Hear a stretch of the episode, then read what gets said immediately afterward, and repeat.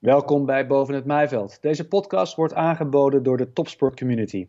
Zij faciliteren en stimuleren kennisdeling tussen topsport, het bedrijfsleven en de wetenschap. Mijn naam is Thomas Rijsman en mijn vaste sidekick, zoals altijd, is Olympisch roeier Govert Viergever. En vandaag is onze gast Mark Drondman. Hij is commercieel directeur van Brand Loyalty, wereldwijd marktleider in loyaliteitsprogramma's voor de food retail. U kent ze misschien wel van de voetbalplaatjes in de Albert Heijn. Het bedrijf was jarenlang sponsor in het Nederlandse wielrennen en schaatsen en is sinds kort één van de nieuwe partners van de topsport community. Drondman is niet alleen succesvol in het zakenleven. In 1988 deed hij als zeiler ook mee in de Olympische Spelen van Seoul. En met hem gaan we op zoek naar lessen uit de topsport om ook als zakenman de degens te kunnen kruisen met de allerbeste ter wereld. Het belooft weer een leerzame en inspirerende podcast te worden. Welkom bij weer een nieuwe aflevering van Boven het Maaiveld.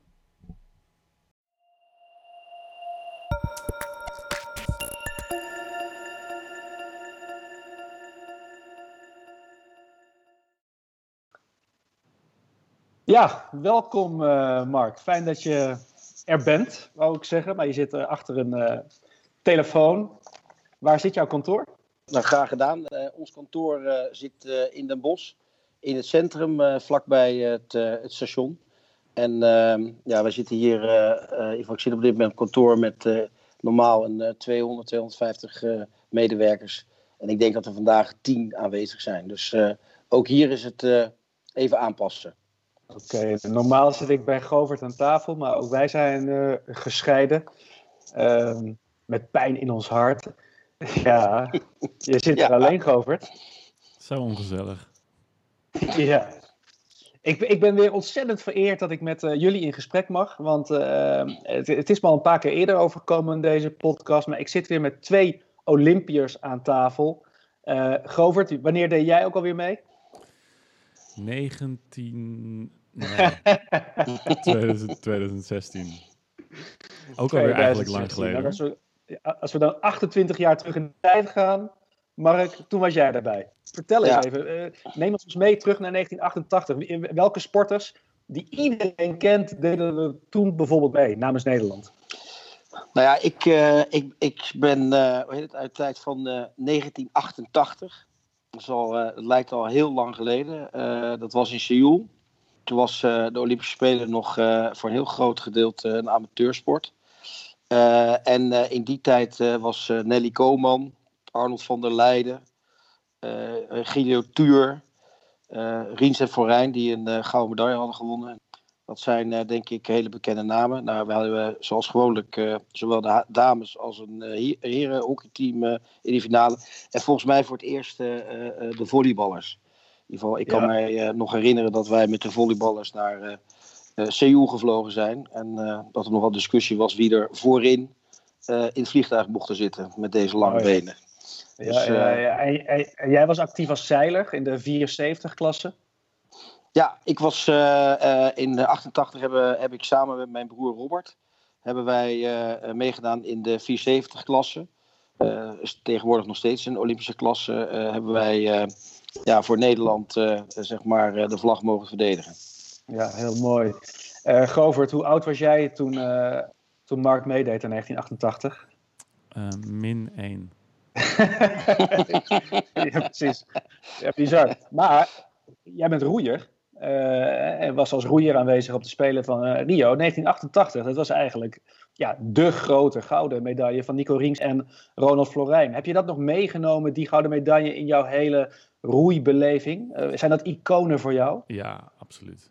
Absoluut. Ja. als je het hebt over Rings en Florijn, dan gaat het, uh, dan echoot dat door tot in de huidige roeistijl. Dat is echt kenmerkend. Hun stijl is ook gewoon onderdeel geworden van de Nederlandse roeistijl. Ik weet nog wel die, die video's over, nou allereerst die race van hen in 1988, maar vooral die in, uh, in 96. Die, ja, die heb ik um, als ik, als ik zeg 100 keer, dan is het niet overdreven gezien. En de trainingsvideo's, dus de trainingsopnames van hun uh, Holland 8, ja, die, die, die lopen nog in de honderden keren.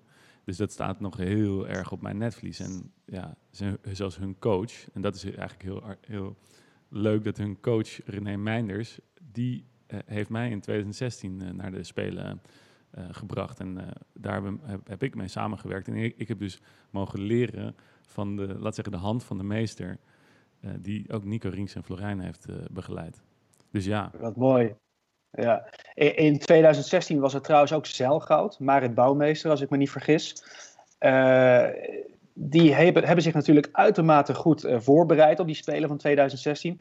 Florian van Rijsselbergen was ook een watersporter die uh, met, het, met het, ere, het hoogste eremetaal naar huis ging. Zij hebben misschien wel, Mark, heb ik van jou eerder al gehoord, misschien wel een klein beetje geprofiteerd van voorbereidingsmethodes die jullie in 88 al toepasten. Zeg ik dan iets geks? Nou, ieder geval, uh, ik, ik denk niet dat je iets gek zegt. Ik, uh, ik, moet, eerder, ik moet eerder bekennen dat uh, ik in de tijd heb gezeten dat onze bondscoach Henry van der Aat ook een vrij bekende in de, in de sportwereld. En die heeft in 1984 met Steven van den Berg in Los Angeles voor het zeilen sinds, geloof 1938, de eerste gouden, de eerste de tweede medaille voor het zeilen binnengehaald. Dat was met Steven van den Berg. En uh, in de aanloop van Los Angeles naar, zeg maar, naar Seoul uh, uh, moet ik eerlijk zeggen dat wij, dat wij zeg maar, binnen de zeilerij heel veel stappen hebben gezet om een stuk professioneler te worden. en dat ging van zeg maar voor je lichaam zorgen met Peter Vergouwen, ook een hele bekende in de atletiek. Dat was onze sportarts tijdens de Olympische Spelen. Tot al het inschakelen van Meteo Consult. Die, en het, het waterkundig lab uit Delft die voor ons uh, onderzoeken deed in Puzan, waar wij zelden. Om uh, zowel de stromingen in de baai te meten als ook de, de weersomstandigheden. En aan de hand van computer of aan de hand van modellen kregen wij in, in 88 elke ochtend via de fax het lokale weerbericht vanuit Meteoconsult en vanuit het waterloopkundig lag alle stroommetingen die dus mhm. eh, eh, gemixt werden met, eh, met zeg maar het verwachte weer op die dag. Nou, dat waren, toen waren dat ja, baanbrekende initiatieven. En dat was, ja, dat was innovatief, concurrentie keek daarnaar. En, en, en dat zijn ook de eerste momenten geweest dat we zeggen, ja, lokale kennis is heel belangrijk. En ik weet dat vanuit het verbond toen steeds meer gewerkt is van hoe kunnen wij de zeilers steeds vaker op een plek laten zeilen. Maar geld was toen ook een, uh, ja, een, een, beperking om alle dingen te doen. Maar wij waren toen al best wel ver, moet ik zeggen, in de materiaalkeuze, testen en, uh, en zeg maar alle elementen te gebruiken om, uh, om goed voorbereid te zijn. Ja, ja en dat, dat zijn dingen die nu vrij normaal lijken, maar toen echt voor het eerst op die manier werden toegepast. Nou, onze ja. technisch directeur, die uh, Hazel Evertje, die, heeft, uh, die komt uit het zeilen. Ja, ja. ja klopt. En um, die heeft ook destijds in uh, Rio heeft hij ook allerlei uh, stromingsmetingen laten doen. En uh, ja. dus inderdaad technieken uit het zeilen heeft hij in het roeien toegepast. Het is natuurlijk allebei water, hè? Ja, ja. Nou, ik, train, ik, ken Hessel trouwens vrij goed nog uit, uit het verleden. Maar dat was toen ik nog lid was van de, de ja, Olympische kwalificatiecommissie. Dat heb ik ook nog een tijdje gedaan. En toen werkte Hessel nog bij het verbond. Dus hij ja. zal een hoop meegenomen hebben van, uh, van het zeilen naar het roeien. Dus eigenlijk, zijn het jouw, uh, eigenlijk zijn het jouw adviezen die zijn doorgestuurd. Nee, uh, nee, nee, Hessel is een goede vent. Heel goed, goed om te horen. Uh, Govert, natuurlijk toen jij in de roeiploeg zat voor Rio, hebben jullie als team en als bond natuurlijk ook innovatief proberen te zijn. Maar in jouw beleving van die spelen lagen de grootste innovaties vooral bij jou, hè? als het gaat om jouw wedstrijd roeien. Ja, ik heb in mijn eentje die hele roeiploeg geïnnoveerd. Nee, nee um, ik zat. Um, ik, ik, ik, ik, zit te denken, want uh, qua echt uh, hele. Ik had niet het idee dat we als, als Olympische roeiploeg destijds iets, uh, zeg maar de klapschaats van het roeien mee hadden genomen naar, naar Rio. Nee, het waren, waren volgens mij vooral uitbouwen van de kennis die, die er al beschikbaar was. En die dan mixen in een soort groot geheel. Dus zowel de warmte als bijvoorbeeld het eh, herstel, als de aerodynamica en de hydrodynamica. Dat, dat combineren in, in, een, in een team. Maar nee, ik probeerde wel zelf altijd uh, hele nieuwe en innoverende dingen. Dus ik weet wel dat rond die tijd was ik heel erg met, um, uh, en nog steeds, met het DNA bezig. En kijken hoe je je training en je voeding kan aanpassen op datgene waar je mee geboren bent, als het ware. In plaats van dat je iets gaat doen waarvan de coach uh, maar een vermoeden heeft dat het voor jouw uh, lichaam moet werken. Dat, dat, dat, waren wel heel innovatieve dingen, waar, en nog steeds eigenlijk. Ja, nou, hoe mooi zou het zijn als we over 28 jaar weer een podcast doen en dat dan iemand zegt van, nou, in 2016 heb ik eens goed naar die Govert 4-gever gekeken en dat heb ik eens even toegepast. Uh, maar goed, dat is toekomstmuziek, Govert. Nou, misschien wel, sorry, ja? misschien ja, even toe te voegen, want uh, dan praat ik over dus 1988. Ik, ik weet dat wij uh, al bezig waren met een sportpsycholoog. Daar, in ieder geval, ik kan mij daar een aantal gesprekken van herinneren. Nou, de sportarts hadden we voeding, astronautenvoeding. Dus uh, bij ons, uh, ik zat met mijn broertje in die V70 en wij mochten eigenlijk niet zwaarder worden, maar liever wat lichter. Dus met name het meten van vetpercentage was dagelijkse kost. Maar ook daarbij het, de voeding aan te passen. Om vooral aan, ja, zeg maar alleen maar aan, aan, aan, aan hoe heet het, te zorgen dat je vetpercentage zo laag mogelijk wordt. Maar vervolgens wel dat je fit blijft. Ik geloof dat mijn broertje had een vetpercentage tot rond de 6%. En ik zat op dat moment uh, rond de 10. En uh, ja, dat soort dingen kan ik me toch heel goed herinneren. Dat waren toch hele belangrijke uh, activiteiten om zeg maar, die ene kilo, die moest gewoon er vanaf. Ja. Om, om op die spelen gewoon het maximaal eruit te halen. Maar in die tijd, waar al die onderwerpen die nu spelen, deden wij zeg maar voor groot gedeelte in die tijd ook al. Mm -hmm. Alleen ja, op een andere, natuurlijk een, een ja, op een zoekende manier waarschijnlijk met minder uh, feiten. Ja, ik denk dat ja. een heleboel van die dingen al bestonden. En dat het nu vooral gewoon heel erg uitge, uitgebouwd is. Ja, ja. precies. Op een hoger plan, inderdaad. Ja. Uh, de Spelen van 1988 waren wel radicaal anders dan eigenlijk alle Spelen daarna. Hè? Zeker als je, de, uh, als je 88 vergelijkt met waar de Olympische Spelen nu staan, Mark. Wat is het grootste verschil? Ja, nou, ik, ik zie het echt als uh, dat 88 is, uh, uh, is de laatste speler geweest waarbij uh, de amateurstatus boven de professionele status was. Dus in die tijd mocht je als professional niet, niet meedoen. Ik kan me herinneren dat tennis was toen een demonstratiesport. En, en op dat moment speelde Steven Echtberg, omdat een demonstratiesport, mochten er ook professionals meedoen aan de Spelen. Nou, dat was uitzonderlijk. Mhm. Voor de rest had, moest iedereen, tussen aanhalingstekens, aantonen dat hij amateur was. Uh, ben Johnson, Florence Griffith uh, waren atleten. Maar die moesten toch volgens bepaalde regels nog sporten. Mocht je, wilde je aan de Olympische Spelen meedoen. Nou, Samaranch heeft, was toen voorzitter van het IOC. net, net voorzitter van het IOC. Die heeft heel duidelijk na 88 die hele professionaliteit binnen, de, binnen de Olympische Spelen gehaald waardoor uh, sporten veel uh, ja, competitiever waren. Uh, de kijkwaarde natuurlijk omhoog ging. Dus het is veel commerciëler geworden. Nou, en dat zie je dus ook nu. een Olympische Spelen wordt door een veel grotere massa wordt gezien als iets fantastisch en heel bijzonder. Terwijl ik nog steeds het gevoel heb, toen ik in 88 meedeed, was het, een kleiner, was het gewoon kleiner, minder publiciteit. ja, je deed dat toch ja, echt voor je, voor je sport. Mm -hmm. En, ja, en eigenlijk hoe ouder ik word, hoe meer, uh, uh, zeg maar, uh, hoe interessanter mensen het vinden dat je aan Olympische Spelen meegemaakt. En dat valt mij, dat valt mij op. Dus Olympische Spelen is gewoon echt nu een ja, icoon. En, en toen was het een, ja, een groot event. En nu is het bijna gelijkwaardig aan een, aan een WK of EK voetbal. En, en Mark, ja, dus jij, ja, maar uh, Govert, natuurlijk. Ja, nou ja, je ziet, je, je, je, kan nu even vanuit twee verschillende perspectieven kijken. Je bent natuurlijk een commercieel directeur en een, uh, en een sportman geweest maar destijds dus uh, amateur. Hoe zie jij dat, uh, hoe zie jij dat nu? Zie je het met ledenoog aan dat, uh, dat, dat, dat de spelen vercommercialiseerd zijn? Of zie je dat als iets als, een, als een noodzakelijke stap vooruit?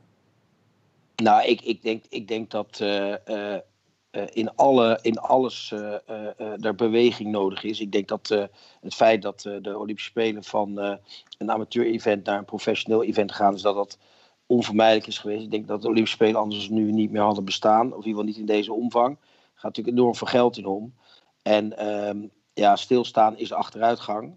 Dus ook uh, in de sport uh, is stilstaan. Uh, ja, de kans dat je dan nog als sport de toekomst ja, goed doorkomt, ja, dat is vrij risicovol. Dus ik, ik, ik denk dat dat heel goed geweest is.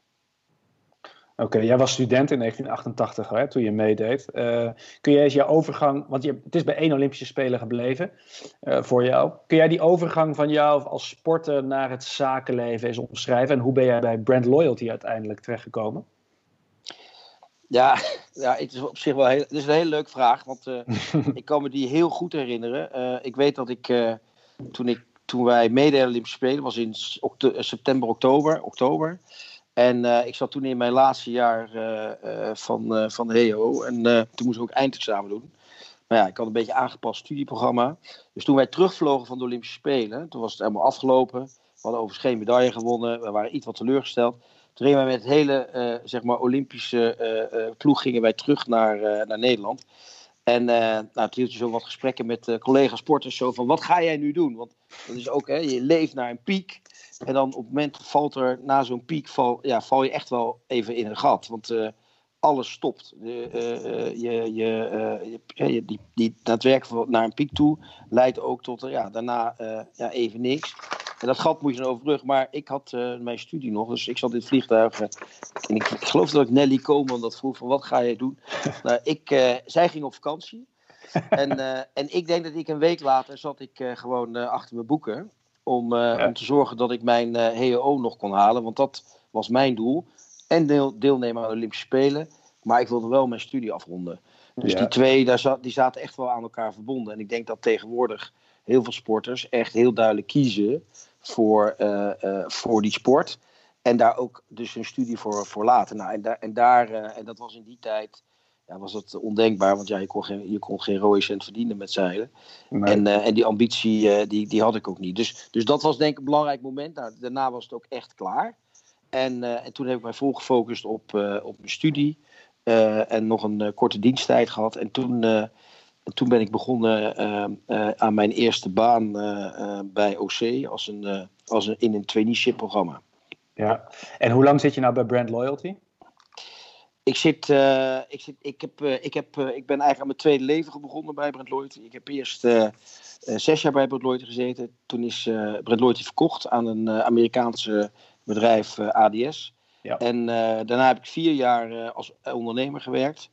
En in september vorig jaar, 2019, kwam er een telefoontje of, of ik zin had om, om terug te komen. Ja. En ik heb wat korte gesprekken gehad en, en dat heb ik gedaan. Dus vanaf 1 oktober ben ik weer terug op het oude honk en werk hier weer met veel plezier. Ja, en ik, ik, denk niet dat heel veel mensen met alle respect per se weten wat of wie brand loyalty is. Maar uh, onbewust heel veel meemaken van wat jullie eigenlijk doen. Kun je eens uitleggen uh, in, wat, wat Brand Loyalty allemaal doet, zodat de mensen weten waar we het over hebben? Nou, Brand Loyalty is een, is een, een bedrijf dat zich volledig focust op het ontwikkelen van spaarprogramma's voor de, de food retail, de supermarkten met name. En wij zijn de grote organisators van de grote spaarprogramma's bij, bij retailers, zoals sparen voor glas, glazen. Ja pannen. En wij helpen uh, retailers dat, dat consumenten zeg maar, vaker bij dezelfde retailer komen. En, ja. en hopelijk ook blij zijn met de, de rewards die wij ter beschikking stellen. En onze producten, die, ja, de hele marketing en de hele communicatie, die, die maken wij samen met de retailer. En ja. dit concept doen wij wereldwijd. Dus eh, eh, eh, de prachtige glazen die we bijvoorbeeld bij Albert Heijn doen, die, die kunnen wij ook in andere landen dezelfde soort promotie doen. Want het is niet alleen in Nederland dat zegeltjes populair zijn. Dat geldt eigenlijk ook in alle landen. Dus ja, dat is ook een, een misverstand. Ja, dat zeggen mensen wel eens, hè? dat wij echt van die stickertjesplakkers zijn, maar dat is dus gewoon wereldwijd zo. De getallen zijn, uh, en, en, wij hebben ook uh, heel veel data, zeg maar, vanuit historische data proberen wij ook die, die acties te voorspellen. Mm hoe groot die dan worden, want dat willen die retailers ook graag weten. Uh, en uh, het blijkt gewoon dat, de, ja, dat, dat de getallen eigenlijk niet heel veel afwijken. Of wij nou een actie doen in Nederland, of in Frankrijk, of in Italië. Ja. we komen eigenlijk tot dezelfde, ja, dezelfde getallen. Het enige is dat in Nederland besparen we veel meer bierglazen. En in Frankrijk is de populariteit voor wijnglazen wereldhoog. Oh, dus dat, daar, daar zie je wat verschil. Maar dat is cultuur. Ik zie al uh, een half minuutje of een minuutje prettogen bij Govert. Uh, ja. wat, wat spookt er door je hoofd? Nou ja, kijk, ik, ik dacht ook van... Uh, um, mijn, ik spaar geen voetbalplaatjes, maar um, mijn hele kast staat vol met die, met die glazen. Die, ja. En, en ja. bij iedereen die ik kom, die heeft al, die heeft al die glazen in zijn kast staan. Dus ik denk inderdaad dat een heleboel mensen nu denken van... Hey, is dat die gast van, van die glazen die mijn kast mee vol staat? Ja, ja met, met dank aan brand loyalty dus. Ja, heel veel mensen zeggen, ja, ik doe niet mee aan die acties. Maar op een of andere manier zijn er toch veel meer mensen die sparen leuk vinden. En, uh, en inderdaad de glazen of uh, uh, de pannen toch weesbaar. Het is, ja, het is gewoon een, een, een, een het is een heel in, goed mechanisme wat echt bewezen is. Al, het is al heel oud. dat consumenten het echt heel leuk vinden om, om voor mooie dingen te sparen. Ja, en, en ja, wat wil je nog? Het, Ja, en, en, en, en, en dat doen wij. Fred Lloyd bestaat in juni dit jaar, bestaan we 25 jaar. Dus het zegt ook wel iets dat dit. En eigenlijk is het businessmodel niet heel erg veranderd. Nee. jullie zijn jarenlang zeer actief geweest in de Nederlandse sportsponsoring. bij het schaatsen, bij het wielrennen. D dat is inmiddels niet meer zo. Jullie hebben wel een samenwerking met de Eredivisie CV. Om inderdaad de exclusieve rechten te hebben om die voetbalplaatjes ehm, te mogen doen. Om het zo maar even te formuleren. En jullie zijn, daar zijn we heel trots uh, op en trots mee, partner geworden van de topsport community. Um, waarom is brand loyalty actief in de sportwereld? Nou, dat uh, is eigenlijk begonnen bij de oud-oprichter van Red Loyalty, ja, de oprichter van Red Loyalty, Robert van der Wallen. -hmm. die heeft um, ja, dit bedrijf een bepaalde cultuur gegeven. En die cultuur gaat echt dat gaat echt over samenwerken. Het gaat dat wij gepassioneerd moeten zijn. Onze, onze business is ook echt een, is, is, is niet één dag hetzelfde. Want wij hebben eigenlijk grote projecten. Het is toch altijd een bepaalde spanning op om, om dingen op tijd geleverd te krijgen. gaat het programma doen zoals we doen. Dus, dus er, zit, er zit altijd. Wij verwachten echt van mensen toch het altijd stapje extra. En ik zeg niet dat het bij andere bedrijven niet zo is, maar vooral uh, uh, zeg maar die, die, ja, die cultuur van, van willen winnen is, is in, in ons bedrijf belangrijk. De cultuur van dat stapje extra is belangrijk. En, en innovatie. Dus we hebben echt een, een bedrijf waar wij van onze mensen ja, dat, dat vragen. Nou, ik weet dat wij in de tijd van uh, Lloyd, die, zeg maar, dan praat ik dus over een jaar of zeven geleden, dat wij, uh, groeiden, wij groeiden heel hard. Maar niemand wist wie Brent Lloyd was. Dus uh, als je dan, om mensen aan te trekken, was het best wel lastig om, om echt toptalenten binnen te houden. Want iedereen dacht, ja, Brent Lloyd, die nog nooit van gehoord. En op het moment dat je in Nederland, in Nederland ging dat nog wel. Maar wij zijn een heel internationaal bedrijf. En we namen over de grenzen waren wij toch, uh, ja, dan is Brent Lloyd ineens heel anoniem. Want we zijn ja, een soort mini-multinational met 600 mensen. En, uh, ja, en door deze actie met uh, de schaatsploeg ja, heeft het bedrijf een stuk ja, toch naar buiten toe ineens een heel ander imago gekregen. zowel het personeel, trots om Brent Lloyd die, op tv te zien. Om, om zeg maar, het was ook in een succesvolle periode van de schaatsploeg de Olympische Spelen. Maar ook die connectie uh, naar externe partijen, die, uh, die werd uh, ook door, door het nieuws online, werd dat enorm bevestigd. Dus, dus qua naamsbekendheid, passieve naamsbekendheid en om mensen aan te trekken in ons bedrijf, heeft dat een enorme boost gegeven. Mm -hmm. En vanuit de kennis die jij hebt, vanuit je werk bij Brand Loyalty, heb je ook wel volgens mij een stevige mening over de manier waarop merken en ook sponsors individueel of sporters individueel um, ja, hoe zij zich eigenlijk naar buiten, toe, naar buiten toe treden. Volgens mij, zij kunnen veel meer uit hun merk halen. Ja, nou, ik, ik, ik, ik denk dat uh, uh, als je kijkt naar brand loyalty, dan wat wij in het verleden gedaan hebben, dat dat een heel goed voorbeeld is, wat je weinig bedrijven ziet doen. iedereen kijkt vaak van ja, ik ga het niet sponsoren, want het, het, brengt me, het brengt me te weinig beeldreclame op tv of te weinig uren. Maar uh, men onderschat, denk ik, uh, de waarde die uh, topsport kan geven, zowel aan jouw organisatie intern, een stukje trots, een stukje mm-hmm. connectie, en, en ook vanuit de, de, de sportvereniging of individu, denk ik ook dat die onderschatten wat voor een additionele waarde zij zouden kunnen toevoegen aan een bedrijf. En ik zie daar eigenlijk, ik zie eigenlijk heel vaak van, joh, wil je lid worden, wil je ons sponsoren? En dan, uh, nou, dan zeggen we ja en dan maak je wat geld over. Maar vervolgens gebeurt er niks. Terwijl er eigenlijk uh, uh, heel veel uit te wisselen is. Wat zowel voor, voor het bedrijfsleven als voor de sport bruikbaar is. En bijvoorbeeld het uitnodigen van een sporter bij een event of andersom, nodig personeel uit of zo'n club. Dus er is veel meer uit te halen. Ja. Ik herinner me uit een vorige podcast, uh, Govert, dat jij ook heel erg het verschil voelde als toen je nog actief sporter was tussen bedrijf A, dat inderdaad die zak geld overmaakte, en bedrijf B, dat dat ook deed, maar echt veel meer interactie had met jou als sporter en inderdaad aan kruisbestuiving wilde doen. Hè? Jij, uit je eigen praktijk voel jij het mhm. verschil tussen verschillende sponsors en soorten sponsoring? Ja, nou ja, allereerst komt het ook voort uit een bepaalde onwetendheid van die sporter zelf, wat hij eruit kan halen en wat hij, wat hij te bieden heeft. En ik leerde dat eigenlijk pas echt rijkelijk laat. En ja, te laat zou ik eigenlijk willen zeggen. Dus ik denk dat je daar een, zowel de sporters als het, als het bedrijfsleven, dat die daar allebei nog wat, ehm, wat te leren hebben als het ware. En ik had bijvoorbeeld ehm, veel eerder willen leren dat je inderdaad um, een, dat, een, dat sportsponsoring ook binnen een bedrijf voor, voor de werknemers ook heel veel trots genereert. En uh, dat kreeg ik pas later door toen ik eigenlijk uh, uh, ja, terugkeek op, die, op, op zo'n samenwerking van, oh wacht even, die, die, die, die, die, die werknemers die waren ook aan het vertellen van, oh ja, ons bedrijf sponsort die en die en die en die. En dat ze daar op een bepaalde manier trots op waren als ze daar hun bedrijf op die, op die sporter hun zijn shirt zagen.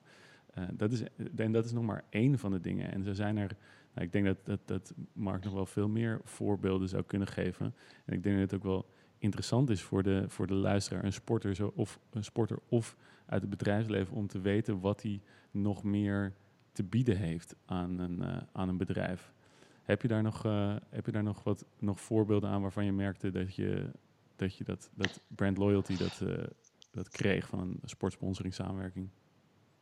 Nou ja, in ieder geval de, de, de, uh, wat, wat, wat heel uh, precies wat jij zegt, dus de trots uh, bij, bij de, de, de medewerkers. er wordt over je gesproken. Hè? Dus de medewerkers staan bij een borrel van goh, jullie sponsoren de schaatsploeg. Er, is, hè, dus, er zijn allerlei zeg maar ongevraagde uh, positieve dingen die er, die er gebeuren. Maar als je het hebt over bijvoorbeeld, en, en ik denk dat de topsportcommunity eigenlijk een heel mooi platform daar en goed voorbeeld van is. Maar dat zou je dus in het klein ook kunnen doen. Is dat je, dat je dus sporters dus ook uitnodigt. binnen je bedrijf om bij bepaalde onderwerpen zeg maar ook weer die synergie te zoeken van hoe, hoe, hoe, hoe ga jij om met stress en om, om dat gewoon live aan, met personeel samen uh, daar een, eh, een, sessie over te houden. Of, uh, of waar, hoe, hoe ben jij succesvol geworden en hoe belangrijk is het dat jij je focust om een prestatie te leveren. Dat zijn dingen die in het bedrijfsleven heel moeilijk uit te leggen zijn. Maar op het moment dat je dat in een, in de vorm van sport gaat symboliseren, dan wordt het in één keer heel tastbaar. Ook voor medewerkers. Dan kun je het gaan visualiseren van hoe, wat, wat betekent dat eigenlijk voor mijn, voor mijn eigen dagelijks functioneren. Nou, dat zijn dingen die, uh, die je al uh, op, ja, zeg maar met kinderen bij wijze van spreken kan gaan doen. En waar wij als bedrijfsleven gewoon, ja, wij kunnen dat faciliteren qua locatie. Als je dan ook nog een paar sporters erbij zet en coaches, onderschat de waarde van coaches niet. Die natuurlijk heel veel toevoegen aan sporters om, om gefocust met hun vak bezig te zijn. Nou, die kunnen hun ervaringen heel goed delen met het bedrijfsleven. Mm Weet je wat topsportcommunity eigenlijk doet? Ja, nou laten we die parallellen tussen de top van het bedrijfsleven en de wereld van de topsport eens verder gaan uitdiepen. Uh, laten we de komende 20, 30 minuten eens op zoek gaan naar tips en uh, misschien wel een aantal takeaways voor de, voor de luisteraars en voor de kijkers. Um, met welke lessen uit de topsport kun je ook succesvol worden in het uh, bedrijfsleven? We hebben vooraf uh, deze podcast eigenlijk thema's gedestilleerd, zal ik maar even zeggen. misschien komen er wel een paar meer voorbij, maar we gaan het hebben over focus. Je hebt het woord al laten vallen, Mark. We gaan het hebben over omgaan met verandering. Nou, dat is in tijden van corona natuurlijk hyper actueel. En dat uh, is ook iets wat heel belangrijk is in, in het zeilen, jouw tak van sportmark. Laten we eens beginnen met, uh, met focus. Um, Govert, was focus iets heel belangrijks voor jou? Iets wat je echt onder de knie kreeg of geleerd werd toen jij roeier was? Mm, ik, je, kun, je kunt natuurlijk heel veel verschillende onderscheiden maken van soorten focus. Ja, maar um, degene waar ik denk dat, uh, dat, dat, dat het nu handig zou zijn om naar te kijken, is bijvoorbeeld de focus die je hebt op, laat zeggen, het grote, het grote doel wat je, wat je voor je hebt liggen. Want uh, daaraan merkte ik gewoon heel erg dat de, het focussen op dat ene single goal, dat dat zo'n grote zo'n groot verschil maakt in hoeveel energie je erin kan stoppen. En ook hoe, ehm, ja, hoe, hoe, hoe hard die weg er naartoe gaat. En als je die focus dus heel single-minded maakt op dat ene doel en precies weet wat je daarvoor moet doen en iedere stap als het ware uitdenkt en al voor je ziet en kan, kan ruiken als het ware, dan, uh, en, je, en je richt je gewoon iedere dag, iedere seconde, iedere minuut van de dag richt je op die stappen dat is dat, die vorm van focus, ja, die heb ik echt geleerd door te denken aan de Olympische Spelen. Mark, herken je dit? Uh, ja, ik kan, het, ik kan het niet mooier formuleren. Nee, maar, nee, maar het, het, het, het mooie is dat uh, focus is natuurlijk een, een open deur in, uh, in, in, in heel veel um, ja, begrippen, in heel veel omstandigheden. Maar uh, als je kijkt naar uh, de overeenkomst tussen uh, topsport en bedrijfsleven, dan is focus in topsport is makkelijker. Omdat het namelijk, het is, je, hebt, je doel is, ik wil de Olympische Spelen. Ik wil me kwalificeren voor een EK. Ik wil medaille winnen. En dat, en dat is heel, heel makkelijk zichtbaar. En, en dan heb je een coach nodig. en samen met de coach maak je een plan om dat te gaan realiseren. En heb je het niet gehaald, heb je het niet gehaald. In het bedrijfsleven roepen heel veel managers ook, uh, we moeten ons focussen. Uh, maar vervolgens zie je uh, dat die focus volledig ten onder gaat aan allerlei details. Mm-hmm. En, en daardoor is er één dag een hele mooie slide-presentatie geweest van wij gaan, weet ik veel, hoeveel miljoen euro omzet doen. Dat is de focus. En nou, iedereen applaudiseert. En vervolgens gaan we weer tot de orde van de dag. En na een paar jaar komen we erachter dat we het niet gehaald hebben. Nou, en en, en uh, als je kijkt naar goede, goed leiderschap, en, uh, en dat heb ik de afgelopen jaren geleerd, uh, in de, zeg maar, en ook naar, bij mezelf, als je dingen wil bereiken in het bedrijfsleven, geldt eigenlijk precies hetzelfde. Dat je alleen maar dingen kan bereiken als je je echt kan focussen op een aantal kleine aantal dingen. En niet op vijf, maar ik denk maximaal drie doelstellingen. Mhm. En dan mag je eigenlijk als uh, CEO mag je daar gewoon niet van afwijken. En, uh, en, en die consistentie uh, van dat beleid, dat maakt leiders denk ik succesvol. En, en dat kan intuïtief zijn. Het kan, het kan via strategisch bedacht zijn door McKinsey. Dat maakt niet uit. Maar uiteindelijk is het denk ik heel belangrijk als je als leidinggevende dat jij ook daar zorgt dat die focus er blijft. En dingen die dus niet van toepassing zijn op dat doel, dat je ook durft te zeggen, dat gaan we dus niet doen. Uh-huh. nou, en dat zie je, uh, uh, uh, omdat bij, bij, bij in het bedrijfsleven is het natuurlijk een, een, een, ja, een ongoing proces. Ja, is het gewoon heel verleidelijk om tussentijds toch even nog wat anders erbij te gaan doen. Minder is meer in feite. Maar heb je het dan over de doelstellingen of over de, over de taken die iemand uitvoert? Want bij sport nou, is bijvoorbeeld heel erg een specialisten eh, je moet een specialist worden. En je gaat je als topsporter ga je niet ook nog bezighouden met, uh, als je een, roeier bent, dan ga je niet ook nog voetballen. Nee, maar goed, maar jij hebt het over roeien. Maar uh, bij, bij voetbalelftal heb je het over een team. En ook daar geldt dat een coach, als een coach een bepaalde doelstelling of focus heeft, die moet bepaalde doelstelling en focus aanbrengen wat hij wil verbeteren of veranderen in zijn team. En als hij zegt, ik wil er een team van maken maar ik wil ook de beste spelers. En uh, ik ga ook nog een nieuwe uh, straat. Ik ga ook een nieuwe tactiek toepassen. Dan de kans dat dat, dat team dan zeg maar een, een gefocust doel krijgt, is vrij klein. Dus een, een, een, een coach zal ook zeg maar heel gefocust zijn doel moeten realiseren. En elke stap die hij zet, zal binnen die doelstelling moeten passen. En ik denk dat dat iets is wat in het bedrijfsleven ja, uh, over het algemeen dat, dat, dat, dat, dat daar heel veel verbetering te halen valt. En de succesvolle leiders, succesvolle ondernemers, ik denk als je ze op een rijtje zet, dan, dan zal e-, een van de belangrijkste karaktereigenschappen van, uh, van dat soort mensen zullen altijd zijn dat ze zich heel goed kunnen focussen en zich weinig laten afleiden door de invloed van buiten. En, heb je een voorbeeld... en dat geldt ook voor topsporters. Ja, heb je een voorbeeld in het bedrijfsleven um, waarop een leider dan zou kunnen focussen? een voorbeeld waar een leider zich op zou kunnen. Ja, als nou, een leider zou zich kunnen, bijvoorbeeld kunnen focussen op eh, kostenreductie. En dat, nou, dat klinkt heel simpel. Van, nou, ik, ga, eh, ik wil echt eh, met me de kosten naar beneden. Maar in de tussentijd komen er nog vijf briljante ideeën langs om te gaan investeren in innovaties. Nou, eh, als jij dan als leider eh, eh, de verleiding zeg maar, niet aan kan om, om, om zeg maar, die kostenreductie als focuspunt vast te houden. En zeg, ja, ik ga toch maar een beetje innoveren en daardoor weer investeren.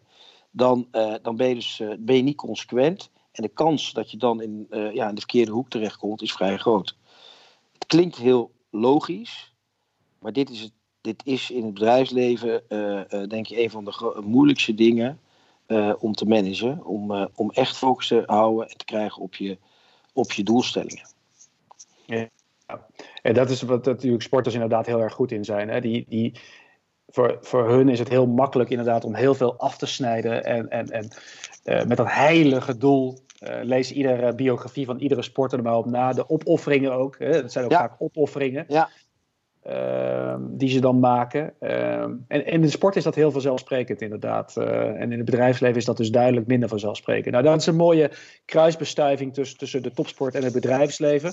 Mark, hoe belangrijk is het voor ehm, mensen die succesvol willen worden in het zakenleven om eigenlijk vanaf het moment dat je begint in die route, in die ontwikkeling, om de goede keuzes te maken? Of mag je in het begin ook wel eens gewoon een beetje, een beetje fladderen van links naar rechts, ont- ontdekken? Hoe, hoe belangrijk is dat? Het begin. Ja, ik persoonlijk denk dat het. eh, eh, dat, dat, dat, eh, en, en dan kijk je ook vanuit de sport. Als je vraagt aan een topsporter van. ik denk dat het heel belangrijk is als je vraagt aan een topsporter van hoe ben jij nou succesvol geworden. Dan zal je altijd zien dat het vanaf het begin meestal het verhaal klopt. En ik denk dat als je het hebt over succesvolle. ja, succesvol zijn in, in je werk. En dat gaat niet alleen maar over geld, laat het duidelijk zijn. Maar mensen die, denk ik, plezier in hun werk hebben eh, succesvol zijn, eh, inspiratie hebben. Die, de meesten zullen ook eh, eh, eh, vaak in het begin de juiste keuzes hebben gemaakt. Dus ik ben absoluut eh, eh, een voorstander van dat wij eh, jonge studenten helpen. eh, inzicht te geven in, in, in, in wat ze in de toekomst eh, echt leuk vinden of wat ze eigenlijk graag willen doen. En ze dan ook helpen om op die ja, zeg maar, succesvolle rails eh, terecht te komen. En eh, van aan het begin van, joh, ga maar eens een keer eh, dat doen. En dan gaan we daar weer naar zo'n ander bedrijf om eens heel veel verschillende dingen te zien. Dat klinkt heel interessant. Maar ik denk dat je ook hiermee eh, ja, de focus weghaalt. En je niet echt ja, gaat onderscheiden. Dus bepaalde ervaringen opdoen en keuzes maken op jonge leeftijd is denk ik heel belangrijk. En wat is het lange termijn effect dan, van als je in het begin goed aanpakt? Nou, ik denk, ik denk dat als je, als, je op, eh, als, je, als je het begin goed aanpakt, dan leg je, een, een, een, dan leg je ook meteen een goed fundament.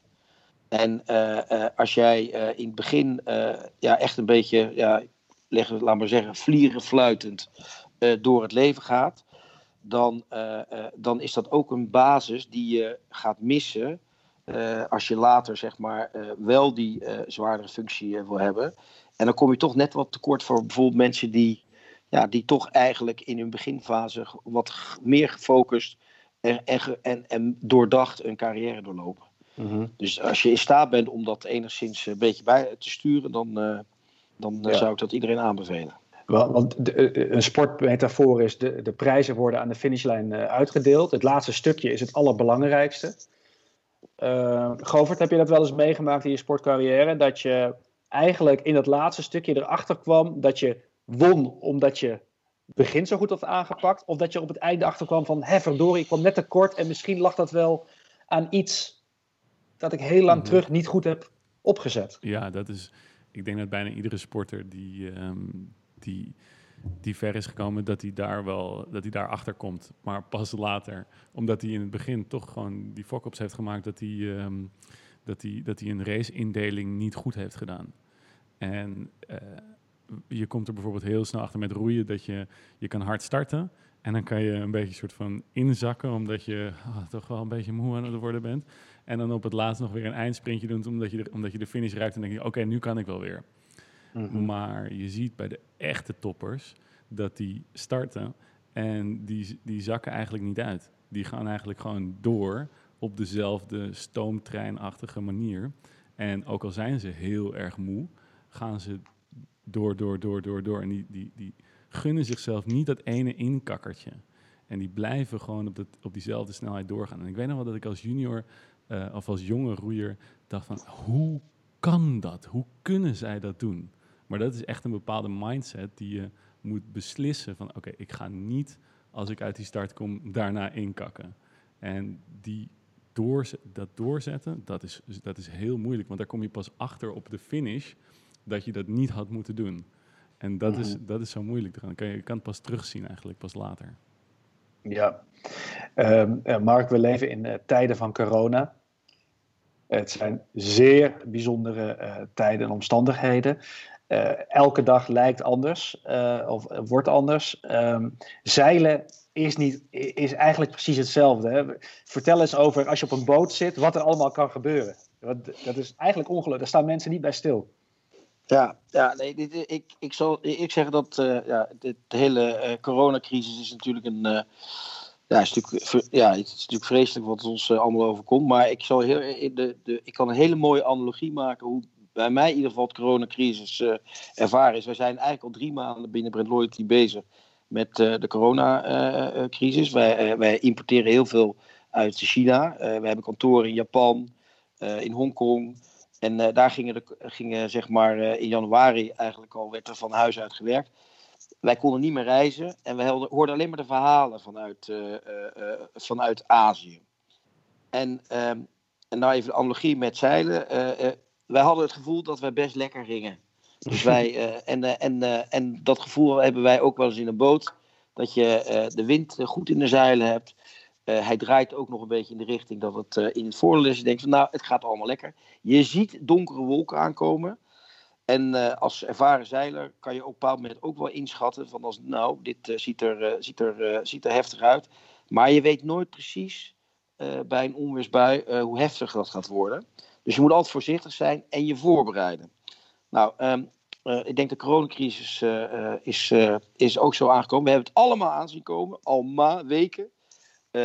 Allemaal specialisten, deskundigen hebben erover gesproken. We zijn erop voorbereid. Net zoals in die boot, wij waren erop voorbereid. Maar ineens sloeg het noodlot toe. De fok slaat bak, dat is dan de zeilanalogie. Fok slaat bak, wind komt uit de andere richting. Uh, de wind valt, valt daarna weg. We zitten in een complete windstilte. Nou, bij de coronacrisis ook was de dag dat dat de eerste uitbraak was in het ziekenhuis. De dag erop, alles werd gesloten. En we gingen uh, even en, en we lagen stil. Nou, als je dan in een boot zit, dan kunnen een aantal dingen gebeuren. Je kan achteruit gaan, door de stroom bijvoorbeeld, uh, meer op zee. Je kan stil liggen. Ehm, en ja, ik denk dat degene die het beste kan omgaan met de verandering, die, die, zal, ja, die zal er uiteindelijk winnend uitkomen. En uiteindelijk met zeilen is, is het, ja, als je stil ligt, dan, dan, dan heb je gewoon een paar keuzes.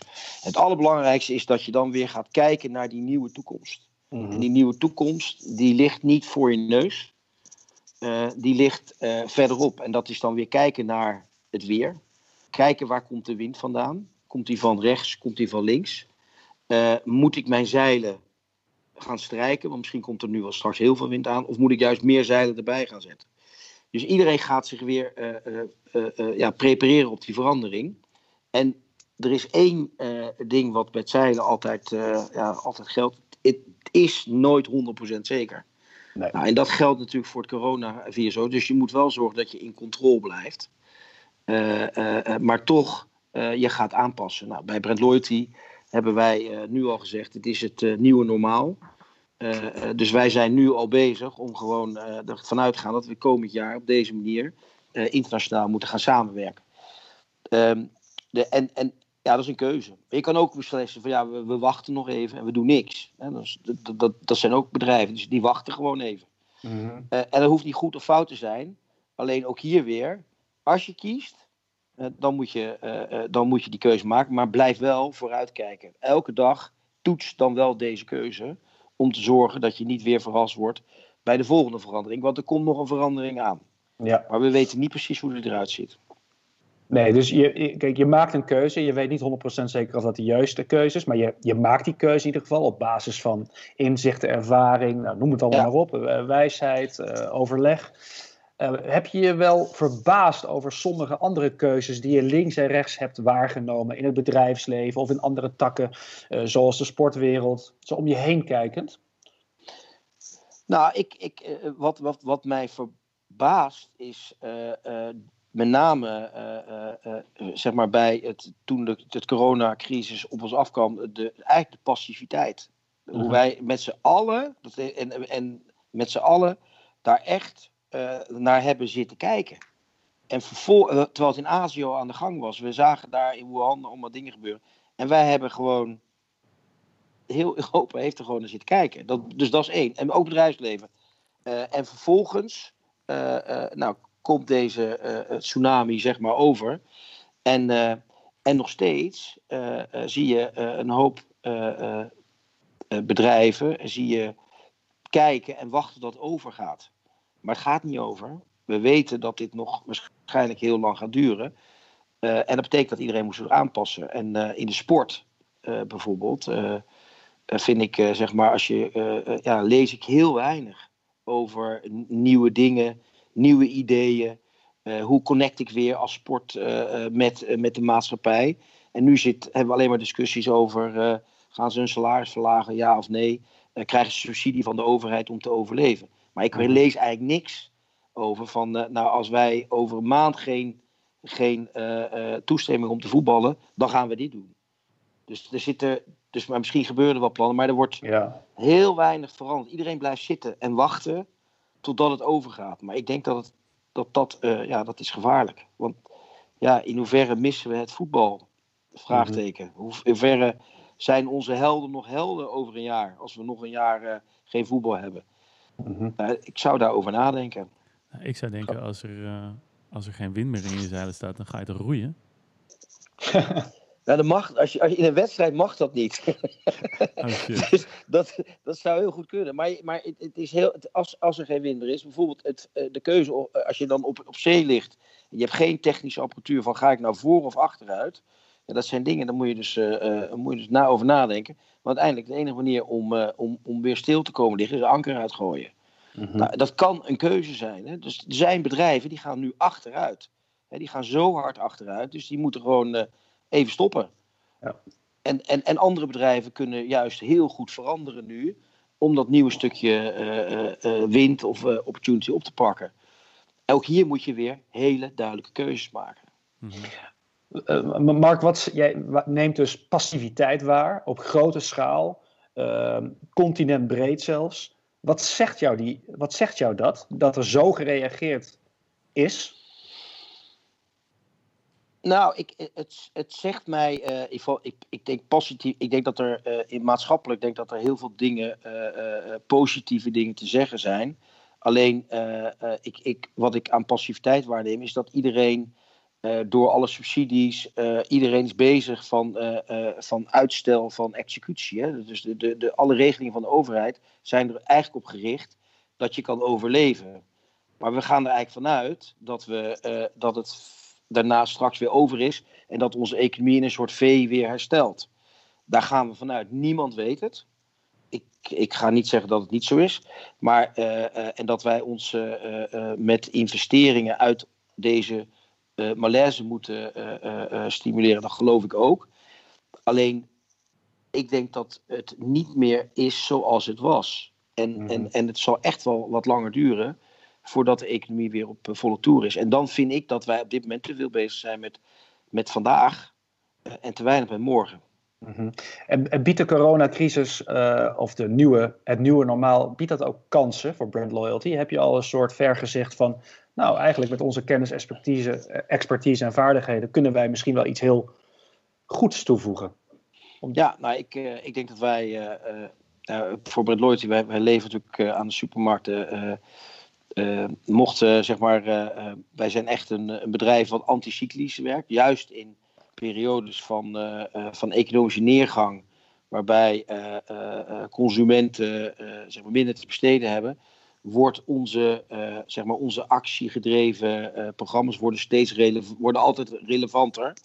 Ehm, nou, dat is natuurlijk wel een, ehm, dat is ook weer de vraag van over een jaar. Zijn we dan in een recessie of zijn wij innovatie? Maar je ziet dat ja, bijvoorbeeld mensen kunnen nu niet uit eten. Dus mensen willen heel graag lekker uit eten of eten thuis. Nou, wij hebben heel veel toegevoegde waarde aan onze concepten. Om bijvoorbeeld mensen thuis met, met mooie spullen te laten dineren. Dus, dus wij kunnen heel goed op, op thema's de komende maanden, jaar. Kunnen wij weer nieuwe thema's bedenken om zeg maar de, de supermarkt, de consument weer aan elkaar te verbinden. Dus, eh, en, uh, en, en, en online wordt natuurlijk ook door deze crisis voor ons een belangrijker richting.